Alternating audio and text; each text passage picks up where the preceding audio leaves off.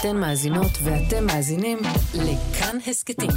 כאן הסכתים, הפודקאסטים של תאגיד השידור הישראלי. בשנות ה-60 מרווין גיי שחרר עשרות לעיתים והפך לאחד האומנים המצליחים והרווחיים של חברת התקליטים מוטאון. הוא שרד בהצלחה את שנות ה-60 הפרועות ואת האקלים המוזיקלי שהשתנה, אבל העשור החדש התחיל עבורו ברגל שמאל. השותפה המוזיקלית שלו וחברתו, תמי טרל, מתה כתוצאה מגידול סרטני בגיל 24. מרווין מעולם לא חזר להיות אותו אדם. בעקבות מותה של תמי והתפרקות הנישואים שלו לאנה גורדי, הוא התמכר לקוקאין ויצא לגלות.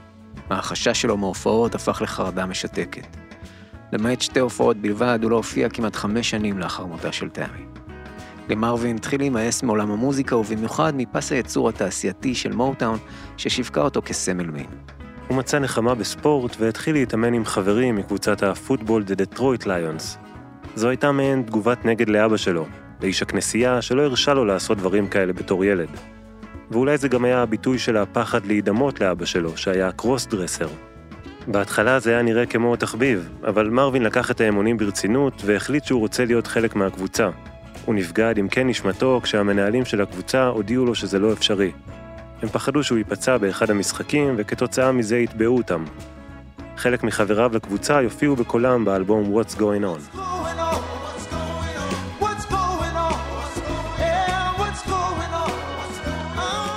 את הדיכאון של מרווין תדלקו החדשות מווייטנאם ומארצות הברית, והוא הלך והסתגר בתוך עצמו. במורטאון הפעילו לחצים כבדים שיחזור להקליט ולהופיע, אבל מרווין לקח את הזמן. שנה וחצי הפסקה זה אולי זמן קצר במונחים של היום, אבל בזמנים ההם, בפס הייצור של מוטאון ועבור מוזיקאי מפורסם ומצליח כמו מרווין, זו הייתה הפסקה ארוכה מאוד. הטלפון שלי צלצל ואלו היו מוטאון. הם רצו שאתחיל לעבוד ואני אמרתי להם, קראתם את העיתון היום? את כל הכאב, התסכול, הדיכאון והחששות, מרווין יצוק לתוך ה masterpiece שלו, What's Going On, אלבום של אומן שפקח את עיניו וניסה לפקוח את עיני העולם. היי, אתם מאזינים למרווין, ההסכת של כאן 88 הסכתים לציון 50 שנה לצאתו של What's Going On. אני תומר מולביטזון. ואני גיל מטוס. בפרק הזה נלווה את מרווין בדרכו לעצמאות. נראה כיצד הוא לוקח שליטה על הקריירה שלו ובו זמנית מאבד שליטה על חייו.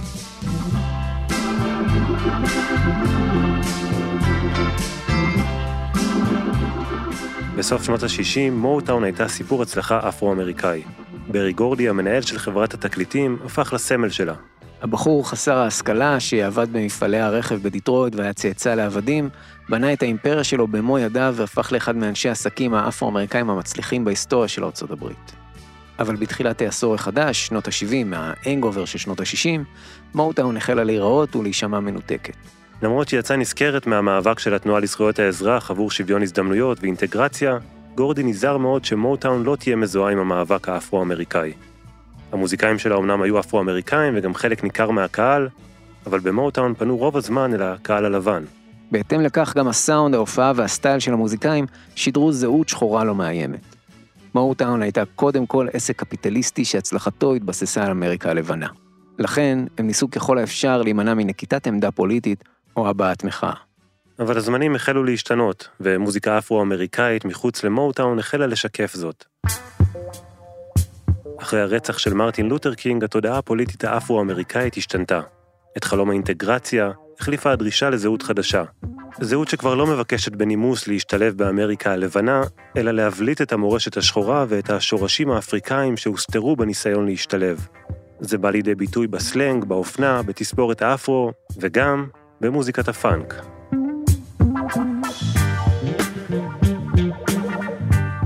אם הסול היה גרסה מרוככת, לבנה ומעונבת של התרבות האפרו-אמריקאית, הפאנק היה הגרסה המוחצנת ששאבה השראה מג'אז והבליטה מוטיבים אפרו-אמריקאים, ובראשם הקצב.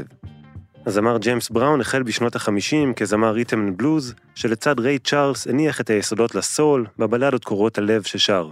Try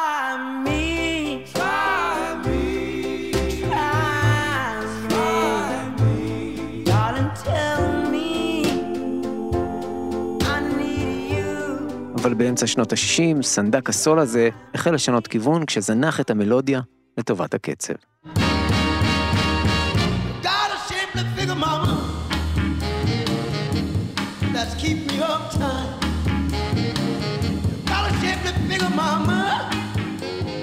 במוזיקה מערבית באותה התקופה, הדגש בקצב היה על הפעימה השנייה ועל הפעימה הרביעית.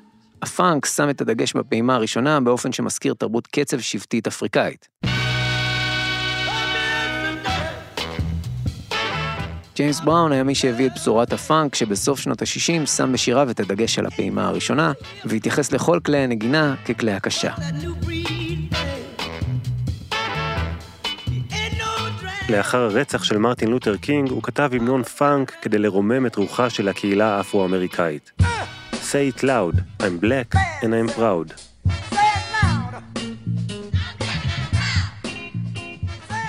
מוטאון אימצו מעט מאוד מהפאנק ומהרוח החדשה שהוא שיקף. הוא היה מחוספס יותר ומיני יותר, הוא סימל את הגטו האפרו-אמריקאי, ועל כן היה מאיים יותר עבור אוזניים לבנות. לפחות כך חשב ברי גורדי. סדקים ראשונים בחומה של גורדי הופיעו בהפקות של הצמד נורמן ויטפילד וברט סטרונג, שעבדו עם הטמפטיישנס בסוף שנות ה-60.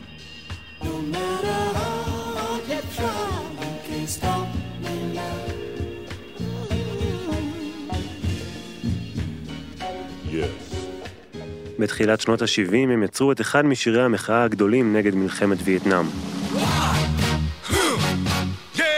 שיר שנכתב במקור עבור הטמפטיישנס והפך ללהיט גדול בביצוע של אדווין סטאר.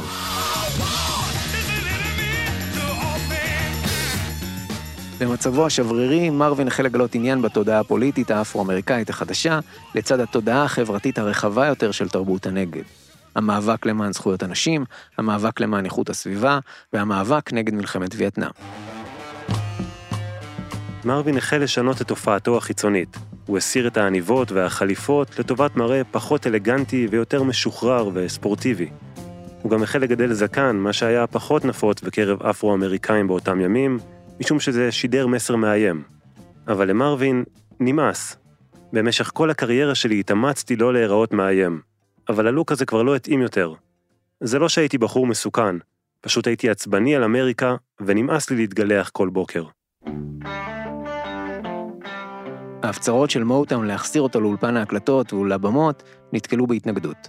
הם היו מתקשרים לחפש אותו והוא היה שולח אותם לקרוא עיתון ולפתוח חדשות. שאלתי אותם, קראתם על הילדים שנרצחו באוניברסיטת קנט?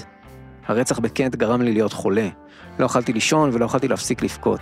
המחשבה על לשיר שירי פופ קצרים ללא משמעות לא עניינה אותי.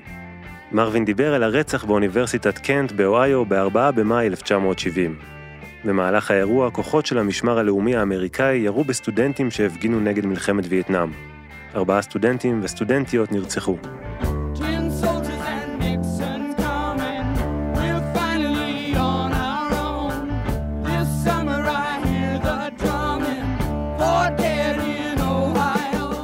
הגישה של מרווין לגבי יצירה החלה להשתנות. הוא לא היה עיוור לשינויים החברתיים שחלו באמריקה ובעולם, וגם לא לשינויים המוזיקליים.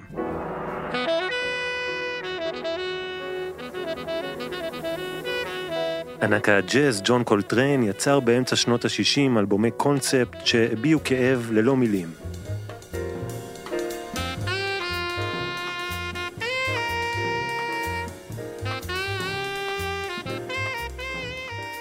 הביטלס והביץ' בויז הניחו את היסודות לרוק המתקדם עם אלבומי הקונספט שלהם, Sergeant Pepper ו Pet Sounds.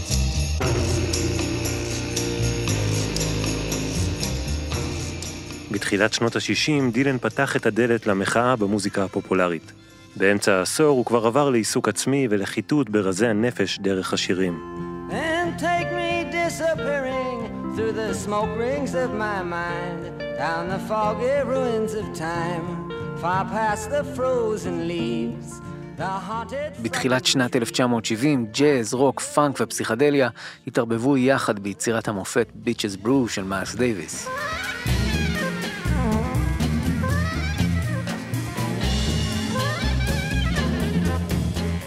מרווין הגיע באיחור אופנתי למסיבה הזו, אבל כשהוא סוף סוף הגיע, הוא עשה את זה בענק. מה שהחזיר אותו לאולפן הייתה התובנה שהוא יכול לבטא את התחושות שלו ושל בני דורו דרך המוזיקה. הסתכלתי על מה שקרה בוודסטוק וחשבתי לעצמי שיש כאן דור חדש של אנשים שהולך בנתיב חדש. הבנתי שמוזיקלית גם אני אצטרך לצעוד בדרך שלי. הגישה של מוטאון לא נתנה לי מרחב לנשום, אבל התחלתי להרגיש שאני מספיק חזק כדי להתחיל ללכת בדרך שלי. במרץ 1970 מרווין נפגש עם אל קליבלנד, אחד מכותבי השירים של מוטאון. קליבלנד הציע לו שיר חדש שהוא כתב יחד עם אובי בנסון, מלהקת The Four Tops. השיר שהם כתבו יחד נולד אחרי אירוע שטלטל את בנסון.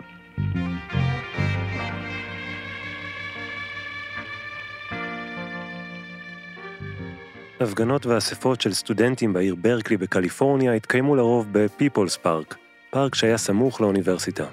מושל קליפורניה, רונלד רייגן, לימים נשיא ארצות הברית, טען שהפארק הוא גן עדן למשתפי פעולה קומוניסטים, מפגינים וסוטי מין. הוא תחם את הפארק בגדרות וחסם אותו. זמן קצר לאחר מכן, ב-15 במאי 1969, סטודנטים מאוניברסיטת ברקלי התאספו לדיון ציבורי אודות הסכסוך הישראלי-פלסטיני. הדיון סטה מהנושא המרכזי בגלל התסכול מחסימת הפארק. מהר מאוד היו שם 3,000 מוחים שהחלו לצעוד לכיוון הפארק ולצעוק We want the park. הם נתקלו בעשרות שוטרים שהוצבו שם כדי לחסום את דרכם. קהל המפגינים גדל וחלק מהם ניסו לתלוש את הגדרות. הם פתחו ברז כיבוי אש ואפילו הפכו ניידת משטרה והציתו אותה. הכוח המשטרתי פיזר גז מדמיע, אבל לא הצליח לפזר את המפגינים, שמספרם כבר הגיע לששת אלפים. ממשל רייגן שלח כוחות משטרה רבים, ואישר להם לעשות שימוש בכוח מופרז ולא לבחול באמצעים. שוטרים עם ציוד לפיזור הפגנות, אך ללא תג או סממן משטרתי, התערבבו בקהל והחלו לנקוט באלימות קשה. המפגינים נסוגו, אך המשטרה המשיכה לרדוף אחריהם תוך שהם מרססים אותם בגז מדמיע ויורים עליהם.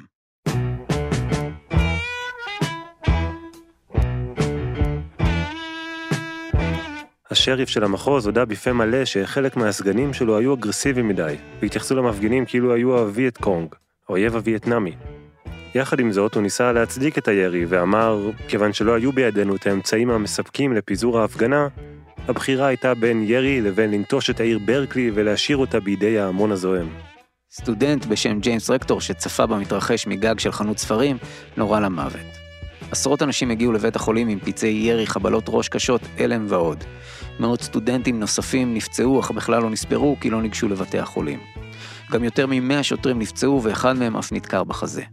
רייגן הכריז על מצב חירום ושלח 2,700 חיילים של המשמר הלאומי לברקלי. במשך שבועיים הם פטרלו באזור, מנעו התקהלויות זהירות ופיזרו הפגנות קטנות באמצעות גז מדמיע. לתקשורת הוא אמר, ברגע שמשחררים את כלבי המלחמה, אי אפשר לצפות שלא יקרה דבר ושאנשים לא יעשו טעויות משני צידי המתרס.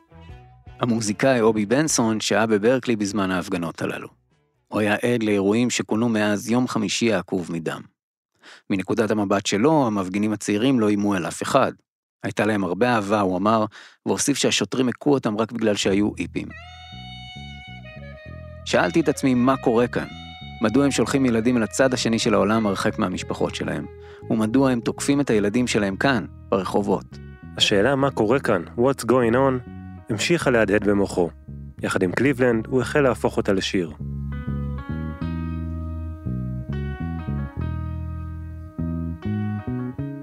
בנסון וקליבלנד ניסו לשדך את השיר החדש שלהם למספר הרכבים של מורטאון, אבל נכשלו. גם חבריו של בנסון לפורטופס חששו להקליט שיר פוליטי. הם אמרו לי שזה שיר מחאה, ואני אמרתי להם, זה לא שיר מחאה, זה שיר אהבה. שיר על אהבה והבנה. אני באמת רוצה לדעת מה קורה. הוא אפילו הציע את השיר לזמרת הפולק והמחאה ג'ואן באז, שלא ממש התחברה אליו. כשקליבלנד סיפר למרווין המרדן על השיר, הוא גילה שהעובדה שמוטאון דחתה את השיר, רק גרמה לו לרצות אותו יותר. למרות שמרווין לא כתב את השיר, בלעדיו הוא היה נשמע אחרת לגמרי.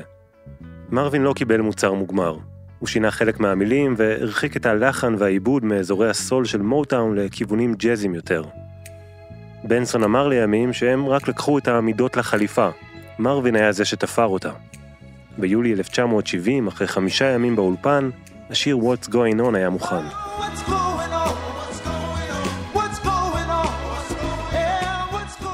חלק מהסאונד המיוחד של What's Going On קרה לגמרי בטעות. מרווין הקליט שתי גרסאות של שירה וביקש מטכנאי ההקלטה להכין את שתיהן כדי שהוא יוכל לבחור את הטובה ביותר.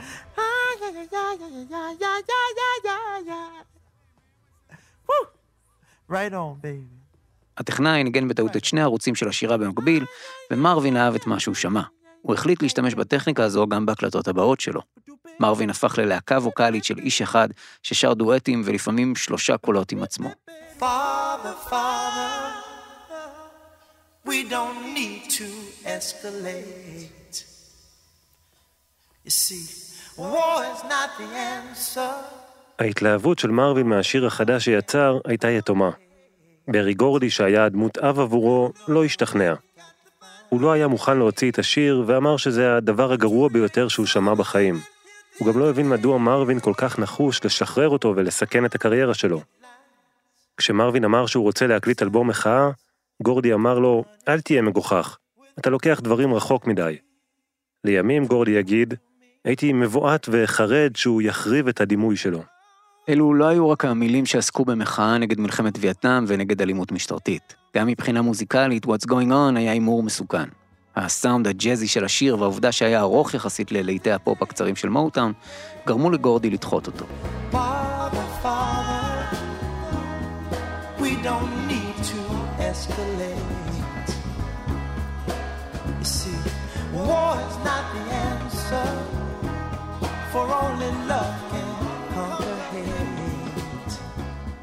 הם לא אהבו את השיר, לא הבינו אותו ולא בטחו בו, אמר מרווין. אבל הוא לא ויתר. מרווין ידע שיש לו משהו טוב ביד והחליט לפתוח בשביתה. הוא הכריז שלא יקליט שום דבר אחר עד שבמוטאון יסכימו להוציא את השיר. מרווין היה אחד המוזיקאים הגדולים במוטאון ולשביתה שלו היו השלכות כלכליות. בסופו של דבר, שני בכירים בלייבל החליטו לשחרר את הסינגל כי הם האמינו במרווין ודאגו ממצבו. הם לא עדכנו את גורדי ואפילו לא הספיקו להסביר לו מדוע הם עשו את זה. הסינגל What's Going On יצא ב-20 בינואר 1971, כחצי שנה אחרי שהוקלט. כשגורדי גילה שהסינגל יצא ללא ידיעתו וללא אישורו, הוא כבר מכר למעלה מ-100 אלף עותקים. What's Going On הגיע למקום השני במצעד הפופ ולמקום הראשון במצעד הריתם אנד בלוז. השיר לקד את רוח השינוי במוזיקה האפרו-אמריקאית וגישר בין עולמות הסול, הפאנק והג'אז. זו הסיבה שהוא הצליח לגעת בכל כך הרבה אנשים בו זמנית. תחילה הייתה זו המוזיקה השמחה, המסיבה, לדברי המבקרים שכבשה את הקהל. אותה מוזיקה הסוותה את העצב העמוק שטמון בשיר.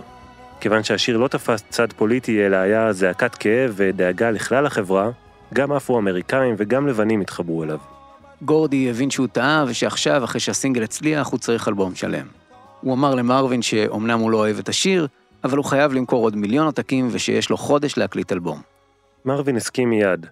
בפועל, לא היה לו אפילו שיר אחד בקנה.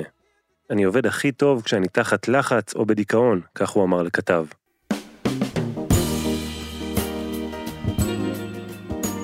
השיר What's Going On יפתח את ה masterpiece שיקרא על שמו והוא יוביל את האווירה של האלבום כולו. סול, ג'אז, רך, רגוע ונעים, שיהפוך לסימן ההיכר של מרווי. אלבום שבו כל השירים מתחברים יחד לכדי יצירה אחת אחידה ועל זמנית.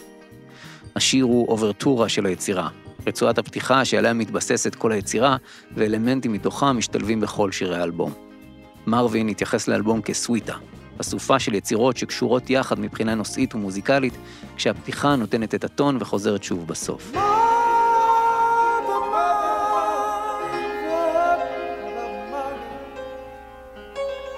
Everybody thinks we're wrong, mother, who are they to judge us? mother, mother, simply call me sweet where I belong. Mother, mother, מרווין הקליט את רוב האלבום בעשרה ימים בלבד בתחילת מרץ 1971.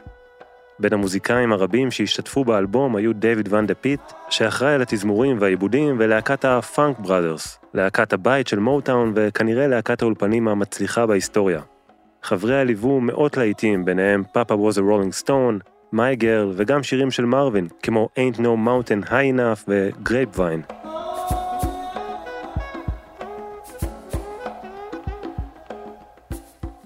אם הייתה שורת קרדיט באלבום על השראה, הרי שהיא שייכת לפרנקי גיי, אחיו של מרווין שהיה צעיר ממנו בשנתיים וחלם גם הוא על קריירה מוזיקלית. כמו מרווין, גם הוא שר בהרכבי דו-אפ אחרי התיכון, אבל ב-1967, בזמן שמרווין היה בשיאו, פרנקי נלחם על חייו בווייטנאם. בעוד שלמעמד הביניים היה קל יותר לחמוק מצו הגיוס לווייטנאם, למעמדות הנמוכים, ובמיוחד לאפרו-אמריקאים, לא היו הרבה אפשרויות. בין השנים 66 ל-68, 41% מ-240 אלף צווי הגיוס שנשלחו, היו צווי גיוס לאפרו-אמריקאים. אפרו-אמריקאים היוו כ-16% מסך החיילים שגויסו, ו-23% מכוחות הלחימה בווייטנאם. מספר גבוה ביחס לשיעור שלהם באוכלוסיית ארצות הברית, שעמד אז על 11%. דוקטור מרטין לותר קינג, המנהיג והסמל של התנועה לזכויות האזרח, נמנע מלבקר את המלחמה מחשש שזה יסכן את החקיקה בנושא זכויות האזרח בקונגרס. אולם בשלב מסוים ואחרי הרבה לחץ ציבורי, גם הוא כבר לא יכול היה לשתוק. בנאום שנשא באפריל 67 הוא אמר, יש מידה מקוממת של אכזריות בכך שהממשל האמריקאי מנצל את השכבה הפגיעה והענייה ביותר בחברה האמריקאית כדי להילחם ולמות למען אומה שמסרבת להושיב אותם לצד תלמידים לבנים בבתי הספר. watching Negro and white boys on TV screens they kill and die together for a nation that has been unable to seat them together in the same schools. בעוד שמרווין ניצל ממלחמת וייטנאם בזכות האפיזודה הקצרה שלו בצבא בשנות ה-50, פרנקי נשלח לחזית. בזמן שהיה בווייטנאם הוא שלח המון מכתבים למרווין. מרווין אמנם מעולם לא השיב עליהם, אבל הוא קרא את כולם. כשפרנקי חזר הביתה לוושינגטון די.סי באביב 1970, מרווין הגיע מדיטרויט במיוחד כדי להיפגש איתו. הוא היה נחוש לשמוע עוד על המלחמה ועל החוויות של אחיו, והוא תחקר אותו במשך שעות. המוות וההרס שראיתי בווייטנאם החליאו אותי, פרנקי סיפר. המלחמה נראתה חסרת תועלת, שגויה ולא צודקת. המכתבים והשיחות של מרווין ופרנקי יהפכו לחלק מחומרי הגלם של האלבום What's Going On. במיוחד של השיר השני, What's Happening Brother. מרווין מחבר כאן בין הזוועות של המלחמה מעבר לים לבין הסבל שמחכה בבית. בהשראת אחיו פרנקי הוא שר על חייל שחוזר הביתה מהמלחמה ולא מצליח למצוא עבודה ולהשתלב בחברה. הוא מתאר כאן את מה שהרגישו חיילים רבים שחזרו מווייטנאם, שחורים וגם לבנים, שהמדינה שהם נלחמו למענה פשוט לא סופרת אותם. Hey baby, you but you knew I. When will it end? חלק מהחיילים ששבו מהמלחמה התמכרו לסמים כדי להכות את המציאות. השיר השלישי באלבום לא עוסק רק בבעיית הסמים בגטאות, אלא הוא גם עדות כנה של מרווין להתמכרות שלו לקוקאין שתלך ותחמיר עם השנים. אני הולך למקום שבו ההרגשה הטובה מחכה לי, הוא שר, ואז לוקח אחריות על המעשים שלו. ההרס העצמי הוא בידיים שלי.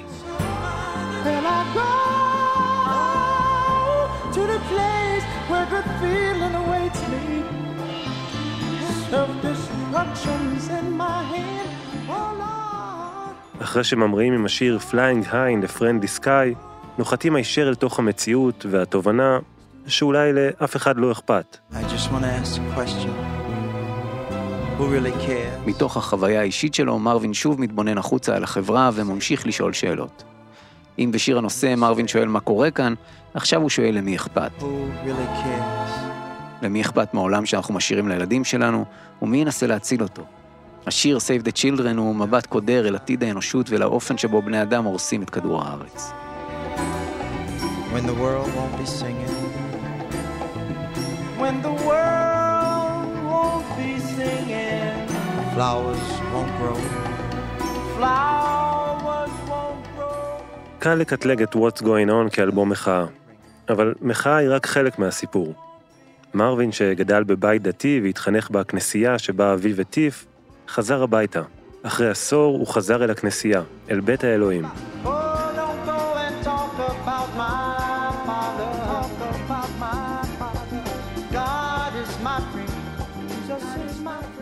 מרווין לא קורא למאזינים לצאת ולהפגין או לנקוט באלימות כלפי הממסד הלבן. What's going on הוא מדיטציה של אהבה. הכנסייה חיה בלב שלי, הוא יאמר. ישו נמצא שם כשאתה קורא לו, בין אם אתה סתם מסתובב בחצר או נקלע לסערה בים. הדוגמה האישית שלו היא נצחית, התקווה שלו היא מגדלור, ואין בו פחד או מוות. כשאנחנו לא עוקבים אחרי הדרך שלו, אנחנו פונים לניצול ולחמדנות והורסים את עצמנו. מרווין ממשיך מסורת ארוכה של שירי ספיריטואלס ושירת עבדים שהעניקו תקווה במשך השנים. הפתרונות לסבל האנושי, קלישאתיים ככל שיישמעו, הם אהבה, חמלה ואמפתיה. במובן הזה, What's Going On ממשיך את משנתו של דוקטור מרטין לותר קינג שנרצח שלוש שנים קודם לכן. מחאה לא אלימה והבנה שכולנו רקמה אנושית אחת. Oh.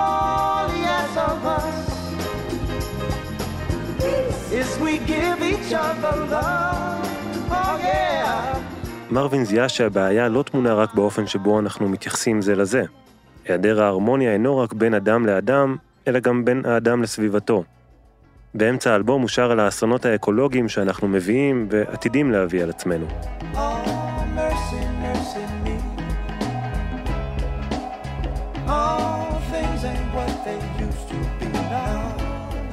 בתחילת שנות ה-70, חשיבה סביבתית עדיין לא הייתה נפוצה וארגון גרין פיס רק נוסד. מוזיקאים רבים שרו על צדק חברתי ונגד מלחמה, אך הביטוי של חשיבה סביבתית במוזיקה היה קטן מאוד. Wasted on the oceans and upon our seas, fish full of mercury. מרווין שר כאן על זיהום האוקיינוסים, על קרינה באוויר, על פגיעה בבעלי חיים ועל פיצוץ אוכלוסין. מרסי מרסי מי, די אקולוגי, הפך לאחד מהמנוני הסביבה המפורסמים והמוקדמים. Sky. Animals and birds who live nearby. מיד אחריו, מרווין לוקח אותנו בחזרה לכנסייה ומתחיל בדרשה.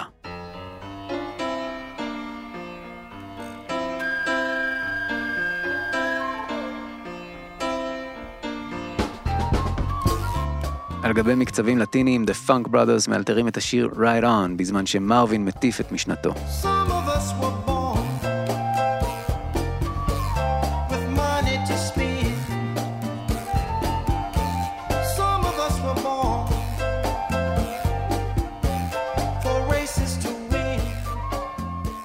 What's Going On הוא לא אלבום שעוסק רק בבעיות של החברה האפרו-אמריקאית. המסר שלו הוא רחב יותר, ולמרות שהשפה המוזיקלית שלו שונה, הוא ממשיך את החלום של תרבות הנגד בשנות ה-60 לתיקון עולם. ידעתי שאם אני מבקש שלום עולמי, עליי למצוא קודם שלום בתוך עצמי. כך הוא יאמר בהמשך. סמוקי רובינסון ישב עם מרווין בזמן שהוא כתב חלק מהשירים וניגן על הפסנתר. הוא סיפר שמרווין הסתובב אליו ואמר לו שאלוהים כותב את האלבום הזה, ושהוא,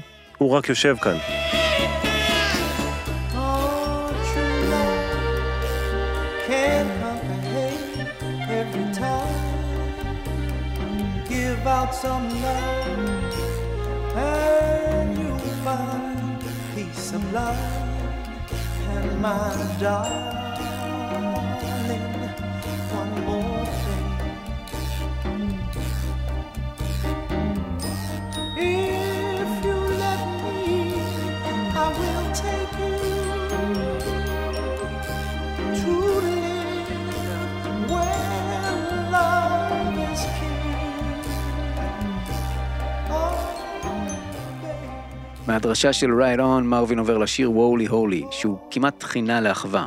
מרווין כמו יורד על ברכיו ומתחנן שנפקח את עינינו ונושיט יד אחד לשני.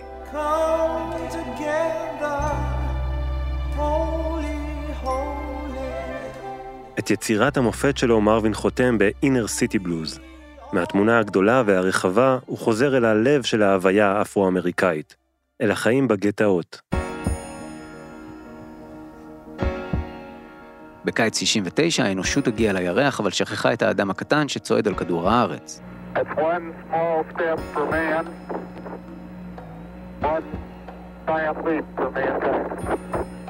מרווין תוהה כיצד הממשל האמריקאי משקיע מיליארדים בטכנולוגיה מתקדמת, כשרבים מהאוכלוסייה האפרו-אמריקאית חיים בעוני מחפיר ללא שום אופק.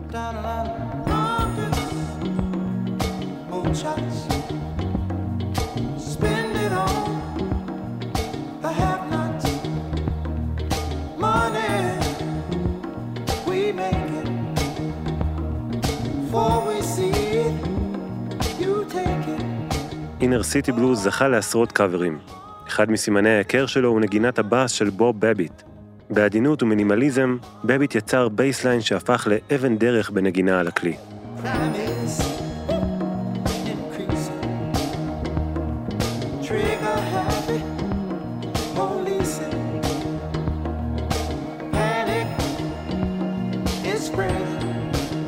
מהתו הראשון ועד התו האחרון, What's Going On הוא טקס מוזיקלי.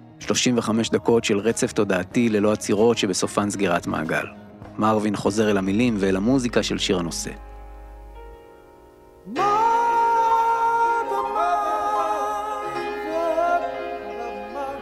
What's Going On נפתח ומסתיים בקריאה של מרווין לאימא. אולי כקריאה לעולם שיש בו יותר חמלה ואהבה אמהית ונשית. ואי אפשר להפריד את זה מהסיפור האישי שלו. מיחסי השנאה שהיו לו עם אביו המתעלל, ומההצהרה שהוא מוכן למחוק את כל העבר שלו, פרט לאימא שלו.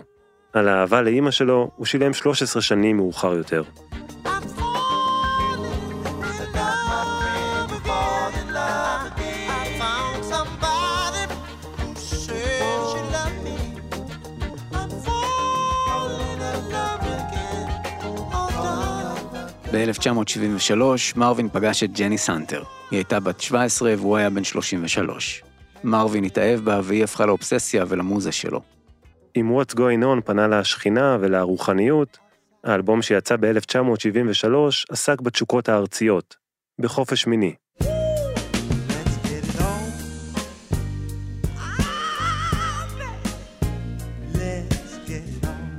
מרווין וג'ני סברו לגור ביחד בזמן שהוא עוד היה נשוי. הם הביאו לעולם שני ילדים בנוסף לילד המאומץ שלו עם אנה. יחד עם ג'ניס באמצע שנות ה-70, הרגלי הסמים והאלכוהול של מרווין החריפו, וגם הכניסו אותו לחובות. למרות התמלוגים וההופעות, מרווין היה די מרושש. כשאנה הגישה בקשה לגירושין ותבע ממנו תשלומים, למרווין אפילו לא היה כסף לשלם לה.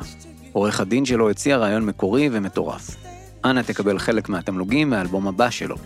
מרווין רצה להוציא אלבום גרוע כנקמה, אבל האמת האומנותית שלו לא אפשרה לו לעשות את זה. Here My Dear, האלבום הכפול היחיד של מרווין, יצא ב-1978 והיה כישלון מסחרי בזמן אמת. רק כעבור שנים הוא זכה להכרה כיצירה משמעותית בקטלוג שלו. האלבום כולו עוסק ביחסים של מרווין ואנה באופן חשוף, כן ואינטימי. עד כדי כך שאנה איימה לתבוע אותו על פגיעה בפרטיות. This is Anna's song. I'm making love all night. אנה לא מימשה את התביעה שלה, ובהמשך היא תסלח למרווין והם יחזרו להיות חברים. עכשיו, כשמרווין היה חופשי, הוא התחתן עם ג'ניס. אבל זה היה מאוחר מדי. הנישואים שלהם החזיקו שנתיים, ובתחילת שנות ה-80 גם הם התגרשו רשמית. בספרה האוטוביוגרפית, ג'ניס חשפה עד כמה הסמים והדיכאונות הפכו את מרווין לאדם קנאי ורדוף. לדבריה, הוא התעלל בה נפשית ומשך אותה יחד איתו אל התחתית. היא התנחמה בזרועותיו של הזמר טדי פנדגרס, ולאחר שמרווין גילה, הוא הגיע הביתה מסטול מקוקאין ופטריות הזיה. ויכוח התפתח ביניהם על הבגידה, והוא הצמיד סכין מטבח לגרונה. הוא בכה באוזניה ואמר, אני אוהב אותך כל כך, האהבה הזאת הורגת אותי. אני מתחנן בפנייך, תני לי עוד סיבה אחת. סיבה אחת כדי שאגמור את זה ואגל את שנינו מייסורנו. לאחר מכן הוא הרפא ונתן לה ללכת. היא לקחה את הילדים ולא חזרה. אחרי שהיא עזבה, מרווין התרסק סופית. עם חובות גדולים למס הכנסה, כשהוא מכור לסמים וסובל מדיכאון, מרווין פרש ממורטאון, עזב הכל ועבר להוואי לגור בקרוון. בגיל 40 נראה היה שמרווין גיי סיים את הקריירה שלו. מפיק חדש החליט לקחת אותו בידיים. מרווין התנקה ומצא בית חדש. חברת התקליטים CBS החתימה אותו והסכימה לטפל בכל החובות שלו. ב-1982 ההשקעה של CBS השתלמה כשמרווין שחרר את הלהיט הגדול ביותר בקריירה שלו. Sexual Healing זכה בשני פרסי גרמי והיה לאחד השירים הראשונים שעשו שימוש ברולנד TR-808, מכונת תופים שהפכה לאבן דרך במוזיקה האלקטרונית ובהיפ-הופ.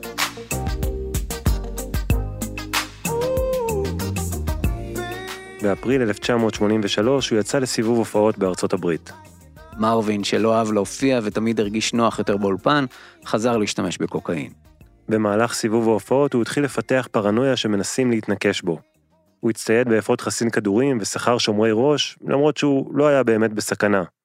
כשסיבוב ההופעות הסתיים, הוא חזר לגור בבית שהוא קנה להוריו בלוס אנג'לס. היחסים בינו לבין אביו היו מתוחים כתמיד. גם כשהביא להוריו מזוודה מלאה בכסף, אביו אמר לו שאין משמעות למה שאדם מרוויח כשהוא מאבד את נשמתו בדרך. מרווין המשיך לצרוך קוקאין והפרנויות שלו התגברו. הוא הסתגר בחדרו ולפי עדויות אפילו ניסה להתאבד פעם אחת. בחג המולד ב-1983 הוא הביא לאביו אקדח במתנה כדי שהוא יוכל להגן על עצמו ועל הבית מפני פורצים. האווירה בבית המשיכה להיות מתוחה בחודשים הקרובים, ובמרץ 1984 התעורר ויכוח קולני סביב מסמך ביטוח שהלך לאיבוד. אביו של מרווין האשים את אמו שאיבדה את המסמך וצעק עליה. מרווין נחלץ לעזרתה. ההורים שלו ישנו בחדרים נפרדים כבר כמה שנים, ומרווין הזהיר את אביו לא להיכנס לחדר שלה. כשהוא נכנס לשם, מרווין הדף אותו בגופו והחל להכות אותו. אביו חזר לחדרו וכעבור כמה דקות יצא ממנו עם האקדח שמרווין קנה לו. הוא כיוון אותו הישר ללב של מרווין וירה בו. מרווין התמוטט במקום. אביו התקרב אליו וירה בו פעם נוספת. Father, stop criticizing your son. מרווין גיי נרצח ב-1 באפריל 1984, יום לפני יום הולדתו ה-45. אחיו פרנקי, שהגיע מיד למקום, סיפר שהמילים האחרונות שמרווין אמר לו היו קיבלתי את מה שרציתי. לא יכולתי לעשות את זה בעצמי, אז גרמתי לא לעשות זאת. זה בסדר, המרוץ שלי הסתיים. לא נשאר בי עוד כלום. כשהשוטרים שאלו את אביו האם אהב את בנו, הוא השיב, בואו נגיד שאני לא, לא אהבתי אותו. Father, Father,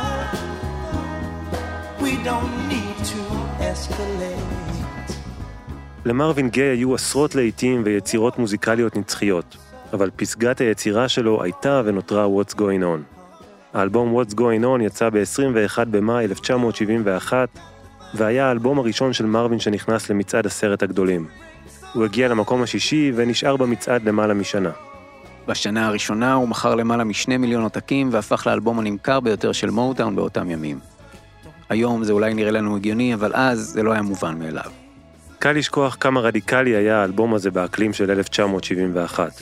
מהביקורת הפוליטית והאקולוגית, דרך השילוב המקורי והנדיר בין ג'אז לסול, בין קודש לחול, ובין מוטאון לצרות העולם. האלבום נגע בלבנים ושחורים כאחד, אוהבי ג'אז וסול והיפים. כולם מצאו את עצמם באלבום. אגב, זה גם היה האלבום הראשון של מוטאון שפורסם ממילות השירים. אפילו גורדי, שהתנגד בהתחלה לשינוי של מרווין, הודה בסופו של דבר ש-What's Going On הוא האלבום הטוב ביותר שיצא במוטאון.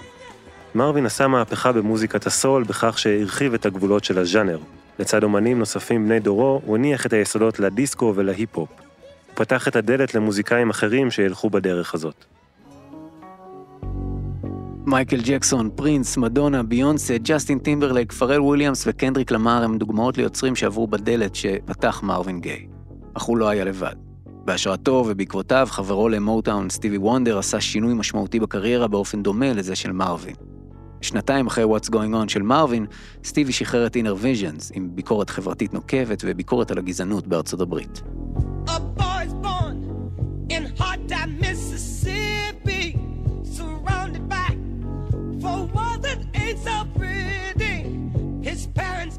כבר אז, בזמן אמת, ב-1 במאי 1972, שנה אחת בלבד אחרי שהאלבום יצא, המושל של וושינגטון DC הכריז על יום מרווין גיי.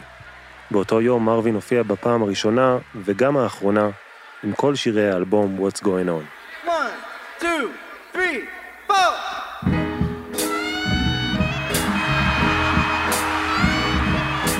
משפחתו של מרווין הייתה בקהל, וזו הייתה הפעם הראשונה שאבא שלו ראה אותו בהופעה.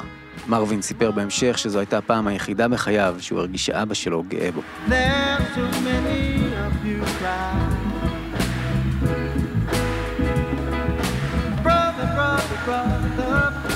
אז האם What's Going On הוא האלבום הגדול ביותר בכל הזמנים, כפי שהכריז לאחרונה מגזין הרולינג סטון? בין אם אתם מסכימים ובין אם לא, אי אפשר להתווכח על כך ש-50 שנה אחרי, What's Going On נשאר רענן ורלוונטי מתמיד. שלושה מהנושאים שנמצאים בליבו ממשיכים לאתגר את החברה האמריקאית ולפלג אותה. כוח משטרתי מופרז, ההתחממות הגלובלית ומלחמות מיותרות. ולא רק את אמריקה. בכל יום חייב אדם לשאול את עצמו, מה קורה כאן?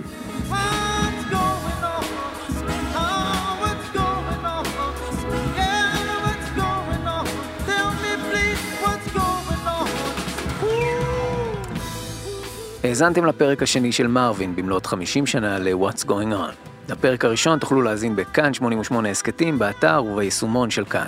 רשימת מקורות ניתן למצוא באתר כאן בעמוד ההסכת, שם תמצאו גם פלייליסטים והסכתים נוספים. אני גיל מטוס, ואני תומר מולווידזון.